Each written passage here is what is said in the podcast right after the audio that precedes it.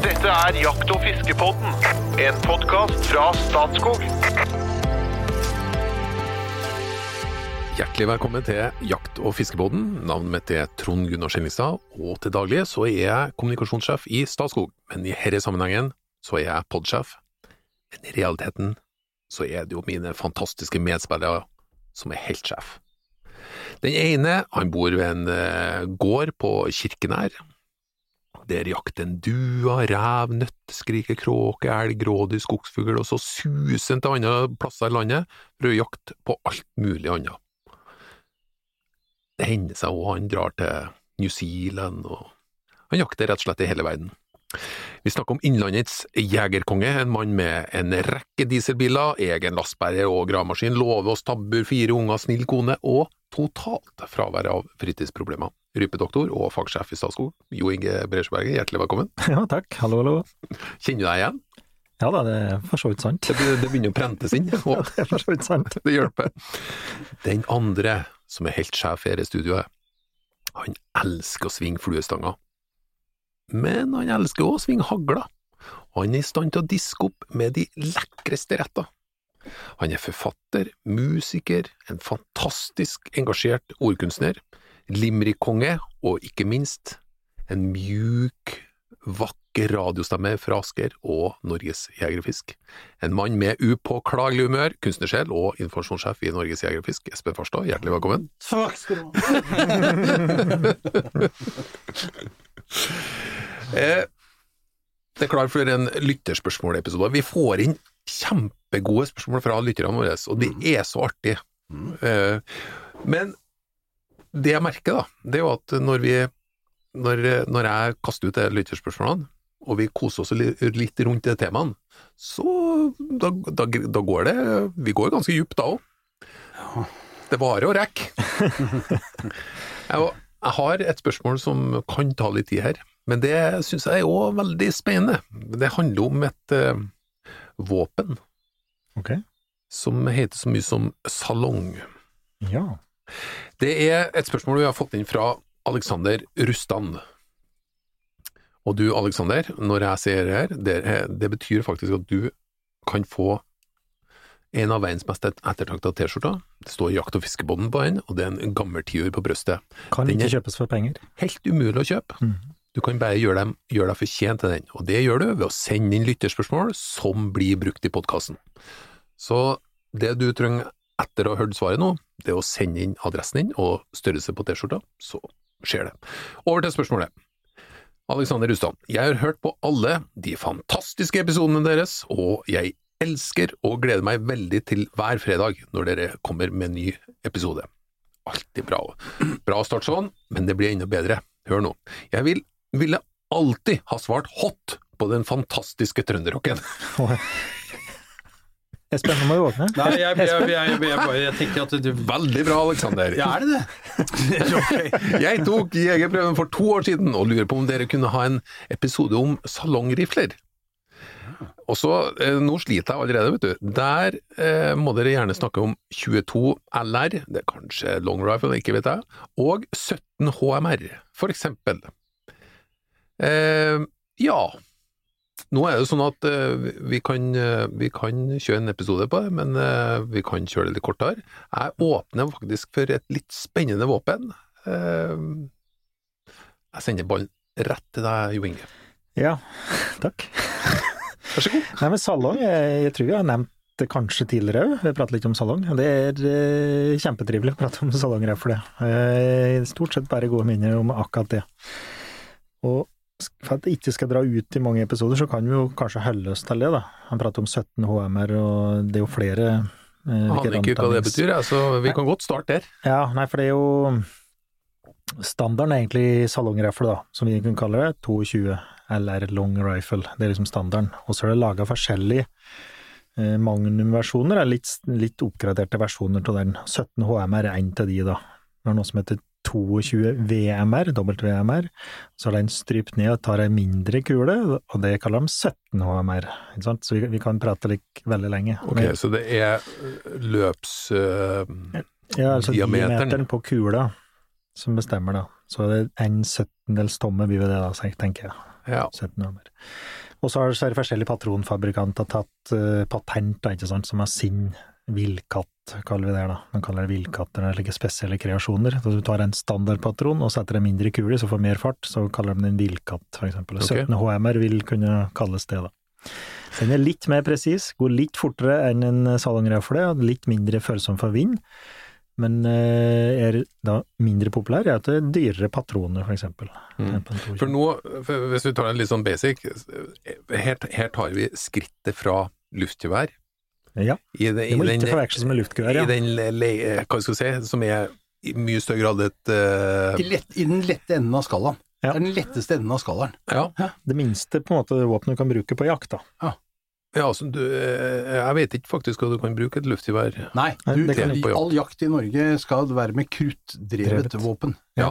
Så luft, Ja. luftgevær går ikke. Så dette Nei, er det minste, det, Ja. minste kaliberet av de kruttrevne, kruttdrevne, lovlige, legale greiene. Ja, riktig. Så her tar vi stegen, det første steget inn i, i jaktvåpenets eh, rekker. Ja, Ja. det er riktig. Og for meg så er det òg et sånt øh, Og det kommer du kanskje litt inn på, da, men det, det må et ypperlig våpen. Det, det er nesten ikke rekyl, og det er noe som du kan uh, bruke for å Du kan skjøte veldig mye, sannsynligvis, med Ja. billig ammunisjon og Det er helt riktig. altså, dette er et, her er et innsteg til god skjøting og god jakt, øh, gode jaktopplevelser. Ja.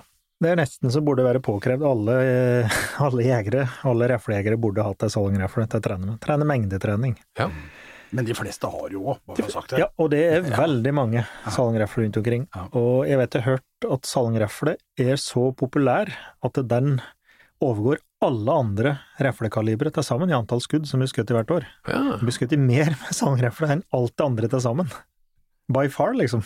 Er, og alle de store fabrikantene masseproduserer salongrefler. Dette er ikke noe vi, det er ikke noe vi lader for eksempel. Det er ganske krevende ladeprosesser og billige patroner. Mm. Så er det store, store, ekstremt store volum. Så alle store fabrikanter har det, da. Og så er det forskjellige kvalitetsnormer, kan du si, da. En toleranse på det. Så, så det er um, alt ifra det amerikanere kaller plinking, at det bare er skutt på en blekkboks, liksom, i, i hagen eller ja, bak det er eh, utrolig artig, det òg. garn, ja, for eksempel. Til jakt og konkurranse. Det er jo det mest brukte konkurransevåpenet. Ja. Eh. Skiskyting? Skiskyting, f.eks. Ja, det er sånn ungene bruker. Yes. Ah. Og bruker det i OL. Pistolskuting, altså så den, Og treningsvåpen, ikke minst. Innstegsvåpen. Alle militære avdelinger har salong som treningsvåpen. Mhm. Politiet bruker det òg, som treningsvåpen. Og ikke minst alle skytterlagene. Og alle skytterforbundet har salongrefle på eller pistol på programmet. Bare øk vanskelighetsgraden litt. Det er noen som vet hvorfor det heter salong? Sal? Salong?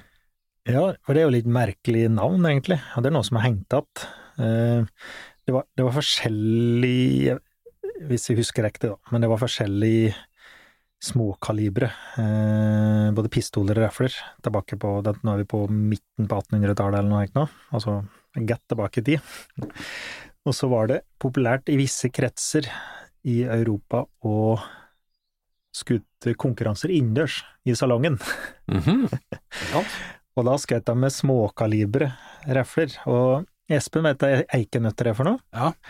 Uh, vi som har levd en stund, har Ja. med salongriflepatroner som er bitte små.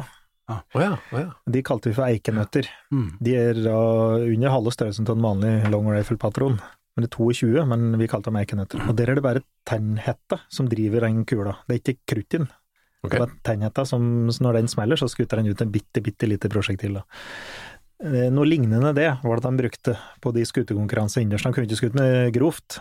Så da ble det da utviklet et våpen som da var forløperen til det vi har salongrifle i dag. Rifle Ja. heter salongrifle. Så det var rett og slett innendørs skutekonkurranser i salongen. Hva som, eh, For å ta litt på våpenet, hva det koster cirka? Jeg, jeg skjønner at det, det, det er sikkert store forskjeller her òg, men sånn en vanlig, ordinær salongrifle? Eh, helt ny, så kaster han et par til tusen opp i ti, i hvert fall. Du får eh, til den prisen du er vanlig rifle, kan du få ei rafle, Ja. Og kvaliteten litt deretter. Gjelder det samme her, at eh, det kan være hensiktsmessig å kjøpe brukt? Ja. Hvis det er innstegsmodell, eh, det er noen tidligere østblokkland, Berno, det heter nå CZ, laga i gamle Tsjekkoslovakia. Kjempekvalitet. Ok. Og litt rufsete avtrekk på dem, men det, den klarer du ikke å skutte ut. Så, og nå ser de ligger, nå er vi i 2021, da, og så ligger de på Finn fra 1000 kroner ca. oppover. 1500-2000 kroner, da får du mellom 1000 og 2000 kroner. kroner. Mm. Og så er det oppi ja, Sauer har, og Saco har, og altså det, det er finere fabrikanter òg, har versjoner av jaktvåpen da, som ser ut som ei elgrefle, mer eller mindre, som da er eh, kanskje hø hakket høyere anskyts, eksempel, som de fleste kjenner fra skiskyttergevær. Ekstremt presise og fine salongrifler. Ja, for hva sånn skiller god salongrifle fra ei dårlig? Nå, du var så vidt inne på avtrekket, så det er sikkert én faktor. Ja, det særlige avtrekket, altså kvaliteten da, på ståldeler og avtrekket, altså maskineringa, i her, fin grad dette her passer sammen, da. Jeg, altså, vi prøvde nevnte så vidt du har Berno eller sett de, og ligger grovt maskinert, det var i hvert fall, da. Men virker. Er litt som en Lada eller en eh, Setor-traktor. Liksom, eh, det virker, det er på stell, men det er ikke nødvendigvis eh, en Mercedes, da. Ikke sant? Liksom for å ta ytterpunkta. Mm. Så, så det er egentlig det det går på. Men, men det funker som fjell, altså. Kjempevåpen. Og som sagt, de fleste jegere burde jo hatt det til, til trening, til mengdetrening. For et skudd for mellom ja, hver så 50 øre opp til ei krone, og så konkurransepatroner kan være både to og tre kroner for, men eh, under ei krone stort sett da, for skuddet sjøl i dag. Ja. Og da får du ja, 10 til 100 skudd sammenlignet med en jaktpatron. Da. Men dere som er erfarne jegere, plukker dere noen gang frem salongen? Nå? Mm. Ja. Ja, jeg har gjort det noen ganger. Altså det, Noen ganger som et litt sånn der supplerende våpen. Jeg hadde faktisk med meg salong når jeg jakta sjøfugl. Ja. Ja, Skjøt sjøfugl, og hvis det var sånn at du skadeskjøt en, en, en eh, ærfugl, eller et eller annet sånt, så, kunne du rett og slett plukke fram salongen og så bare prikkskyte den der han lå i vannet. Mhm. Så var det ferdig. Det var en veldig grei måte. Jeg har, eh, jeg har tenkt litt på om jeg skulle ta med salong på, på duejakt òg, for duer har jo en tendens til å slå seg ned på, opp i toppen av et tre litt uh, utafor haglehold, ikke sant, så du har jo lyst, men, men her, det er grunn til å understreke her at dette er jo det er et jaktvåpen, det er en rifle, det er et prosjektil som går langt. Du skal ikke undervurdere en, en eh, 22-kaliber, altså. Overhodet ikke. Nei. Altså, han skjøt ja, sikkerhetsavstanden på en 1400-1500 meter. Ja. Ok. Så, så det, og det finnes antageligvis ikke noe kaliber i hele verden som eh, sender mer uh, rikosjetter. Altså at eh, du treffer noe, og så skjener kula, enn salong. Ja. Altså forholdsvis låg fart, og så er det da i all hovedsak ei blykule. En massiv blykule. Og på Det skal ikke veldig mye vinkel til før den eh, rikosjerer, altså vinkler og, og flyr av gårde. Mm. Mens da ei eh, kule kanskje hadde ekspandert eller blitt vært i væren der, da, så reiser eh, den der kula videre. Så det er ikke det kimsete av, altså. Men til jakt, Jo Inge. ja. Hvor langt opp kan du bruke den på jakt? Dette her diskuteres jo stadig. Det står... Nå kommer sikkert det uttrykket som jeg syns er så artig, men vær så god. en til en sant? harestørrelse, men ikke hare. dog ikke hare. Dog ikke hare. Dog- dog ikke hare. Ja. Nei, og det, og det, det er jo ikke da Altså, da kan du bruke den på ærer, for eksempel. Hårfugl. Ja. Kan skutte ender. Ja. Og duer, kråke, skjør, ravn, mink. Det er vel grunn til å påpeke Det er jo blyammunisjon, dette, sånn, så du har jo Ja. faktisk sannsynligvis ikke lov til å bruke den på ender, da. Nei, Med mindre enn litt- sitter på tørt land, liksom. På tørt land, Ja. ja. Mhm, det er riktig. Ja. Mhm. Og så kreves det jo hælspiss på jakt. Ja, det gjør det. Det må jeg huske på. Ja. Den ekspanderer, og det skal en heller ikke glemme av. En ting var det rikosjetten, og at den er drar langt, Ja. men en, et hælspissprosjektil kontra en, ei massiv blykule som kom på avveie, da, Ja. den gjør voldsomt mye mer skade, altså. Mm. Mm. Jeg har jo skutt i ja, skutt ei nøtteskrik eller ei kråke eller skjør med salong på passe hull, med hælspissammunisjon, så, så går sikringen med en gang, og altså nøtteskriket nærmest eksploderer. Får like ei kule på avveie og treffer noen, for eksempel, da, så vil det gjøre massiv skade. Så vi skal ikke leke med det, nei. Er det Er det mange kjente ulykker med det? Nei, faktisk Det går ikke. stort sett bra? Det går stort sett bra. Ja, det er det. Det er veldig lite ulykker, altså. Og Sammenlignet med mye som blir skutt med dem, og det er som sagt verdens uh, uten tvil mest populære kaliber. Og så, så slik sett så er antall ulykker i prinsippet ikke tilstedeværende. Men, Men jeg altså, skal det- ikke leke med dem, og en av verdens desidert største grizzlybjørner som er felt noen gang, er skutt med en sånn greie for det. Ja, det er jo egentlig greit å ha med seg. Det var Jan Linti da, som, som skjøt den på klosshold med sånn. Enkeltskudds salongrifle. Dog ikke å anbefale. Ikke å anbefale. For det er mange eksempler på elg for eksempel, som skjøt med, med salongrifle, eller ja, under krigen Det er lite smell. Det var jo òg lenge foretrykk i kaliber for eh, tjuvjegere, altså krypskyttere. For det var lite smell, ingen rekkehyll, og korte, hendige våpen, ikke sant, de kunne gjemme unna. Under krigen veldig vanlig de skjøt både elg og, og rådyr, ikke minst, før vi fikk krav om ammunisjon og, og anslagsenergi, så var det veldig vanlig å bruke dem på rådyrjakt. Ja. Jeg har en venn som, eller i gamle dager, da, som hadde gjort det. Ja. Så, så det var veldig vanlig. Altså når det var lev, da, så var ikke det uvanlig å skutte Ja. rådyr med sangrifle. Apropos lov. Men, i- men i dag altså opp til hare, dog ikke hare. ikke sant? Ja. Så det betyr Ja. jo i realiteten på en måte orrfugl i fugleverden, eh, og, og under det Det vil si ikke tiur. Nei, den er for stor, da. Den Det er for stor, så orrfuglen er greit. Ja. Tiur ikke greit, Ja. hare ikke greit. Nei. Og reie er nok for stor, ennå. For tung. ja. Og rev er jo da heller ikke Og rev er heller ikke lev. Nei. Nei. Så det liksom sier litt om begrensningen. det er ganske Det er det små, det er det små småviltet. Ja. For, si sånn, for meg så oppleves det veldig strengt, da. Ja, altså vi har jo, vi har jo sett regler, skal vi liksom unngå å påføre lidelser, unødige lidelser, og Ja. vi har liksom et regelverk. Mens amerikanerne vil ikke tvie seg for å skutte en rev eller en coyote for den saks, med en uh, salongrafle som ikke har den reguleringen. Altså, det er litt ulikt mellom ulike land her nå. Ja, ja. Det Gjør det. Ok. Og vi prater om luftgevær. Luftgevær er jo et jaktvåpen i veldig mange land. Dansker eksempel regulerer rågeunger, altså våre kønnkråker, Mm. med luftgevær. Mm. Og det finnes jo de som er så kraftige som en, som en elgrefle. Mm. Så det er litt heavy greier, da. Men det, men det er veldig trivelig, trivelig kaliber. Og som du sier, rekkelfri og i prinsippet rekkelfri og òg veldig liten eh, skuddsmell. Da.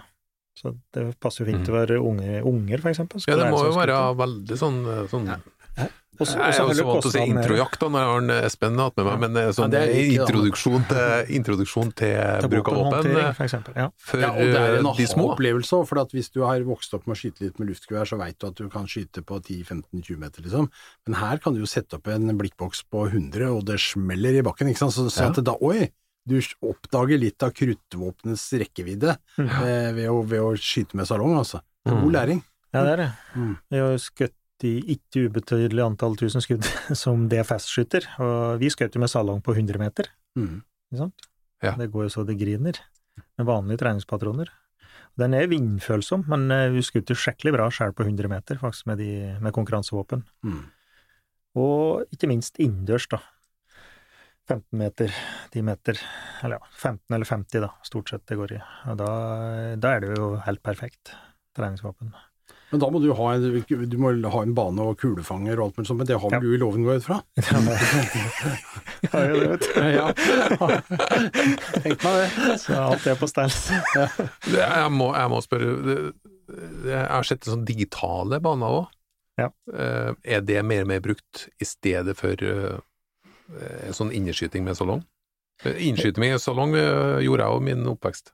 Ja, men nå er det Jeg har ikke vært borti noe skytterlag i dag som ikke har elektroniske skiver. Så det er elektronisk både inne og ute, ja. Så vi skutt på 15 meter Ja, men men du 50 på tenkte, du tenkte nå på mer sånn der skytesimulator, du. Ja. Ja. Å ja, ja, ok. Ja. Ja. Nei, for det mm, Ja, det finnes jo både her og der, det, men altså, det er ikke det, det erstatter jo ikke, det er mer som et supplement til, vil jeg si. Men på skytebane så er det òg elektroniske skiver, da. I dag Fær skjøt jo på blinker. Mm, Rene mm. fysiske papirblinker og måtte anvise. Nå er det jo elektronisk, og det fungerer er veldig bra.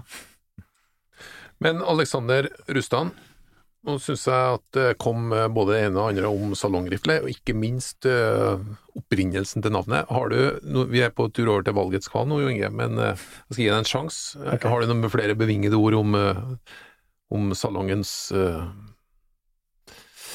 Fortreffeligheter. Ja, nei, ikke noe annet at alle, ikke minst alle reflejegere burde ha det. Alle unger burde få prøve å skute med salongrefle. Jeg har arrangert mange skuteskoler. Unger lærer veldig kjapt å skute med salongrefle Mm. av rekyl og lite smell og billig. Og så, så lærer du òg, som jeg som sier, her fort altså, eh, at dette er et våpen. Våpenhåndtering. Det tror jeg faktisk Ja, ja. veldig mange har hatt getto. Om du ikke skal bli skuter eller jeger i framtida, så veit du hvor farlig et våpen er, og håndtere et våpen. Ikke, ikke motsatt, da. Bare si at det alltid er farlig, og så har du aldri tatt i det. det Mm. Nei, men karer, er dere klar for eh, noen vanskelige valg? Mhm. -hmm. Espen, mm -hmm. Du skal få lov til å starte. Ja. Pepsi Max eller Cola uten sukker? Er ikke det samme? Eh, Pepsi Cola uten sukker. Ja. Ok. Jeg drikker ikke noen av delene, men Pepsi Max. Ok. Gjør det litt vanskeligere, kanskje. Dere dere var jo åpenbart vanskelig for dere, da, men Ja. eh, vi går videre. Alltid akevitt, eller alltid Koskenkorva? Alltid akevitt. Akevitt. Akevitt, begge to. Ja, ja. NRK P1 eller NRK P2? P2. P1. Skjønner? Ja, det er, da har du dårlig Det er kulturfiffen, og så er det en folkets mann. Ok, vi ser om det, vi ser om det skiller videre her. TV 2-nyhetene eller Dagsrevyen? Dagsrevyen. Dagsrevyen. Begge på, på Dagsrevyen. ja. Elgkjøtt eller hjortekjøtt? Hjortekjøtt. Ja, gjort. Siste. Alltid spise pizza Grandiosa, eller alltid spise nudler. Nudler. Nudler. Å, det blir kjedelig! Det var Grandiosa òg. Ja. Ikke den. Nei, men du, det her er jo jakt- og fiskebånd. Nå var vi litt på jakt, nå skal vi dra det litt over på fisk. Herlig. Okay. Vi har fått et spørsmål fra han Øyvind Gjønnes Tvetten. Og det er et spørsmål om favorittsluker. Hva er deres favorittsluker og eller fluer som dere alltid har med til fisking i ferskvann og saltvann? Vi starter med ferskvann. Espen. Ja. eh, eh, sluk. eh, og det må jo omfatte spinner. Ja, det må Ja, det. ja, Det må det. det er Da er jeg, jeg er en svoren Meps-tilhenger. Mhm. Jeg vil ha veldig tynt snøre og en litt lang eh, åtte, kanskje nifots stang, eh, sånn at jeg kan kaste langt. En lett Meps. En ener, toer Meps, liksom. Det kommer med røde prikker. Da er vi på okay, favoritt. Det ok, er favoritten. ja. Ja, ja. Det er, går alltid hjem. Mm. Ja, jeg må, jeg, det er helt riktig. Jeg har Meps, men jeg har Black Fury etter den jeg bruker. den- er svart med gul prikker. Ja. Ok.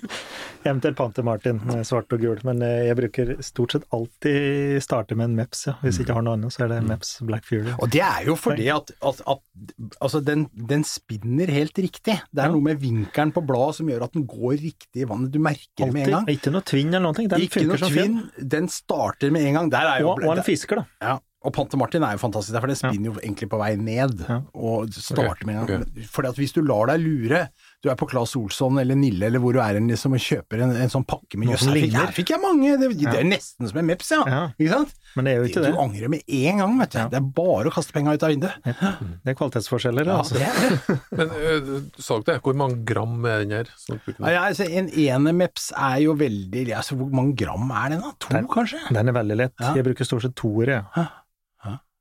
Så det er like vektklasser, da. Jeg husker ikke jeg tok den ned i farten nå. Nei, men, det, eh, nei, for den, har ikke, den går ikke på gram. Altså, det er vanlig er jo at Ok. okay. går på gram, men Ja. på Meps så er det en nummerering, ja, nemlig. det, er- for Ja. det, det er litt som med haglstørrelse, det er liksom en vektklasse. Ja.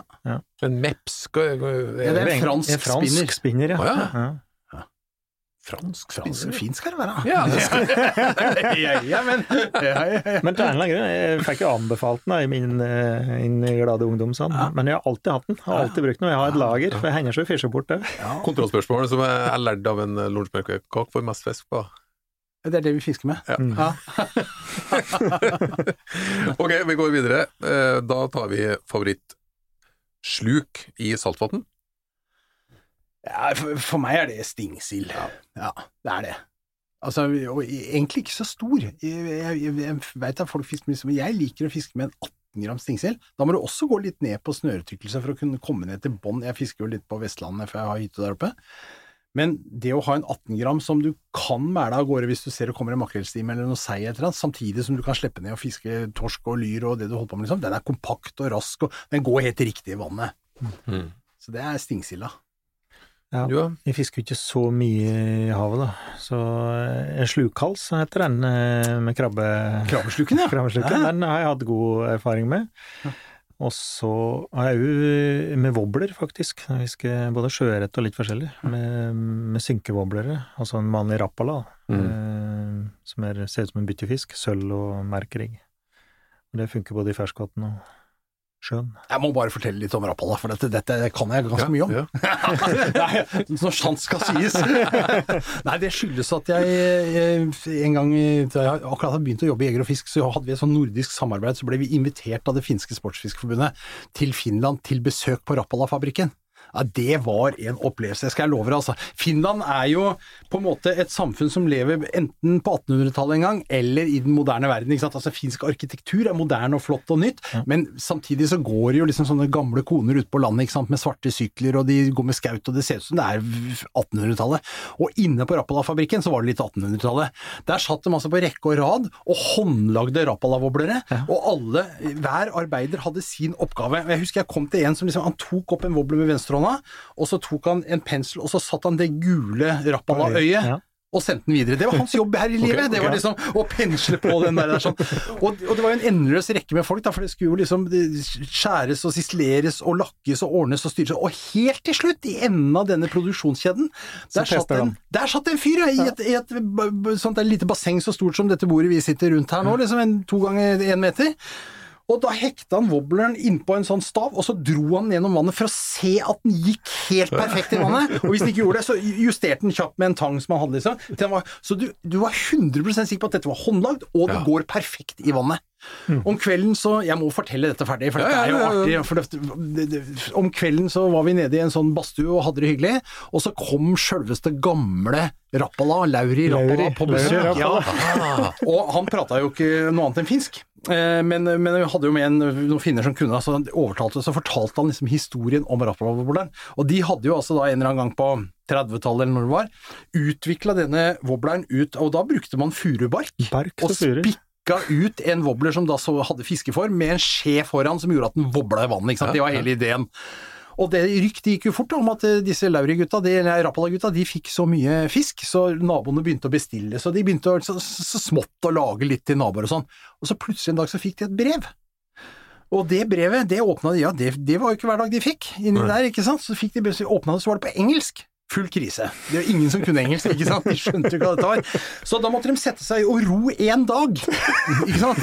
Og for å komme til noen som kunne oversette dette brevet. Og da var det altså en amerikaner som hadde snappa opp dette, og som hadde gjort en bestilling på 7000 wobbler, liksom, eller hva det var. Sant? Og da måtte de gå i tenkeboksen, og så satt de inne i skauen og rodde hjem igjen, da, brukte en dag på det, og så hadde du litt å tenke på på vei hjem. Og så kom hun hjem, og så fortalte han dette til gutta, og så ble de Ålreit, vi gjør det. Vi gjør det. Og nå er den verdens største wobblerfabrikk. Starten på eventyret. Ja, det var det, altså. Så det var jeg tror rett de hadde, jeg hadde sølvfolie òg. Altså, Ja. var furu- han startet med furuberk og sølvfolie, liksom. Ja, det er, det, det er jo en Balsa, da, fantastisk men- historie. Og inni når du så den der fabrikken hvor hver eneste wobbler Nå er det nok annerledes, det vil jeg tro. Dette var jo tidlig 90-tallet, ikke sant, så det er jo 30 år siden. Men, eh, men, han det var en fisk- opplevelse, altså. Men han fisker banna bein, altså. Og det, jeg har brukt blant annet en som ser ut som en vanlig småfisk, da. Ja. Sølvgrå med merkrygg. Ja. Brukt den både i små og store varianter, og flytende og synkende. Det er fisker overalt. Og de er, og de er, de er dyre. Ja, ja, det er er jo dyr. Så når vi var på vei ut av fabrikken, etter å ha vært på omvisning, dette var jo en opplevelse, ikke sant, så, så kom vi inn i et sånt showroom på vei ut, og tusen takk for at dere hadde vært med og sånn, og, og vi får jo noen B-varer, altså det kommer jo ut noen med en feil på. Så dere kan jo egentlig bare forsyne dere. Så dro han til side som forheng, og så var det liksom skuff på skuff på skuff med Rappala hvor du kunne bare forsyne oss, vet du. Og jeg husker jeg var sånn, det var en gammel danske som var med på denne her turen, og han, han gikk helt berserk. Altså, han klarte ikke å la være. Han kom ut, altså, det stakk liksom våpen ut av alle lommene, og han sa 'Espen, jeg skammer meg', jeg skammer meg'. Han klarte ikke å la være, vet du. Det var, nei, det var, Rappala har Det står uh, høyt i, på fiskehimmelen, altså. Det gjør det. Og det er jo som Espen sa, det går inn på, i dag kan du gå på Nille eller Biltime eller noe og kjøpe kopier, ikke sant? Ja, Men det, det, det må du ikke gjøre, altså. Nei, for, det, for jeg husker jeg bestilte, det var da i min eh, hine og hårde ungdom, da, så var det, var jo postordre, ikke sant. I Villmarksliv så var det noen som, det var en dansk produsent da, som reklamerte for eh, pakke med wobblere, som bestilte den, husker jeg, og så hadde jeg da Rapala.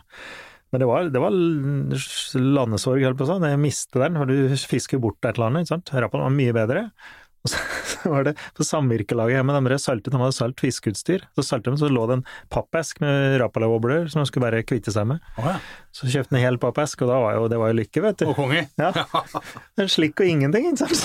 Nei, det beskrives av Men det beskrivelsen det minner meg om noe jeg så på TV-en for ikke så altfor lenge siden. Det var en norsk produsent som håndlaga wobblere, og testa dem til slutt i bassenget. ja, men Ja, det så jeg også, men det var jo bare en sånn enkeltprodusent og et Ja, eller annet ja, ja, så ja, ja, ja. ja. Så det er eh, tydeligvis Og, og, ja, blant laksefiskere i Norge så er det jo det mange som mm, altså, ja. bruker altså, Dere som kommer fra Namdalen, eller du som kommer fra Namdalen, altså i Namsen er det jo vanlig å få laks på wobbler og båt, ikke sant? Mm. Eh, og mange av dem er jo håndlagd. Ja. Ja.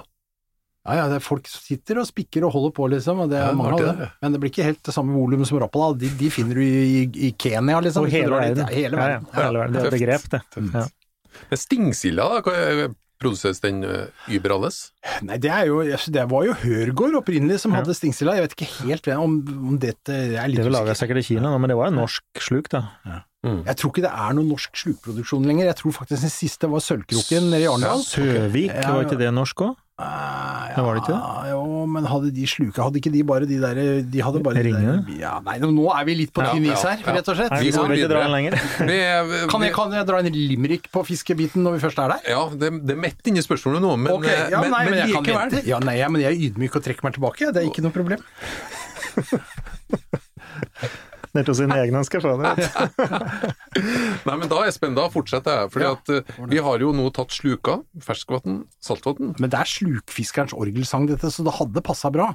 Ja, men nå kom du med en tilleggsopplysning, og da er jo svaret selvfølgelig ja. Ja, ja, Og, og dessuten så er limerickene dine så ekstremt gode, Espen, at de passer når som helst, hvor som er helst. litt usikker. Vær så god, Espen. Skjær meg ned litt tilbaketrukket. det- Det, hender, det hender at det blir et lite nødrim, men akkurat her tror jeg faktisk jeg er på riktig side. Um, Slukfiskerens orgelsang heter denne. Forventningsfullt. Ja, en torskefiskende organist ifra Svelgen tenkte seg ut for å fiske torsk nå til helgen. Men turen fikk seg en knekk, for alle slukene var vekk. På mandagen de dukket opp nede i Belgen. Oi, ja. Du tok den? Ja, det var fint. Ja, det er bra. Nei, men det, eh, var, det var en høydere egentlig å diskutere sluka med dere. ja. Og de fantastiske historiene. Eh, ja, dere, driver begge to med fluefiske. Det er en som drar litt lenger, eh, Espen. Mm. Og du har jo tidligere fortalt historien om hvordan du holder orden i sysakeren, og det gjør du ikke, det er samboeren som gjør. Ja, så du, du tømmer det ut på bordet, så får du gå og fikse. Eh, det er fint. Eh, tilleggsspørsmål, og han spør binder Espen sine egne fluer. Ja, Gjør det? det gjør jeg. Ja.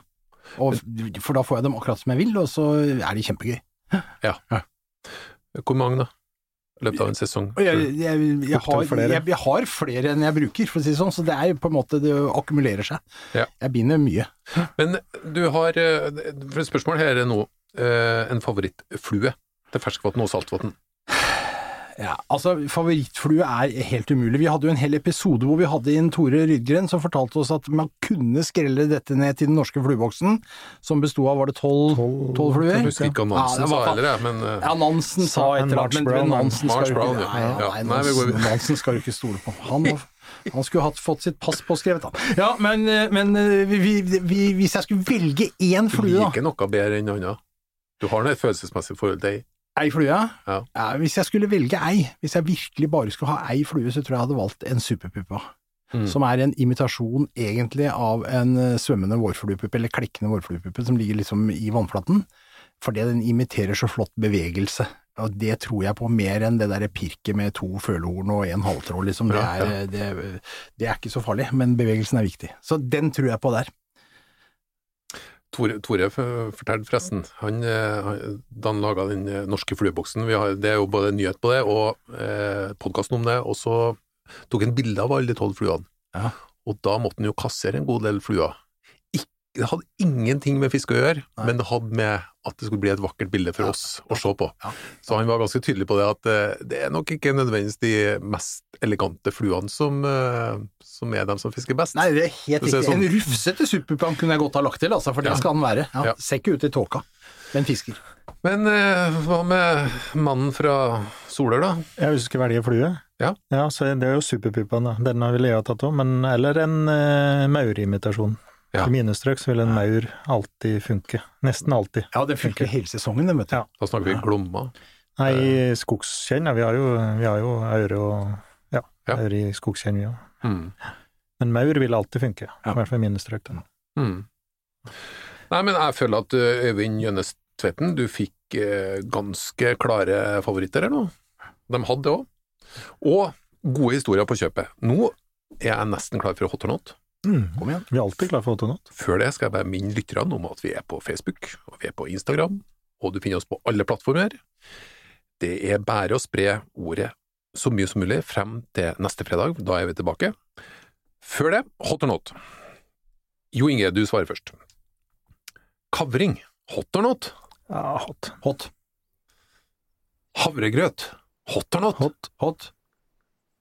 Toyota Hilux, hot or not? Hot. Ja, hot. Nå svarte den Jo ingen før jeg var ferdig på Toyota Hilux. Ja, ja. Kanskje jeg har fått det før. Hyttebygging i høyfjellet, hot or not? Hot. not. Ølet Rai Rai, hot or not? Hot. Not. Det har vært hot på New Inge, ja. og not på Nespen. Lungemos, hot or not? Not. Not. Ok, siste. DDE-låta Næ, næ, næ, næ, jeg tar det med ei klype salt. Hot or? Hold på begge to. Takk for følget, kjære lytter, og velkommen tilbake neste fredag.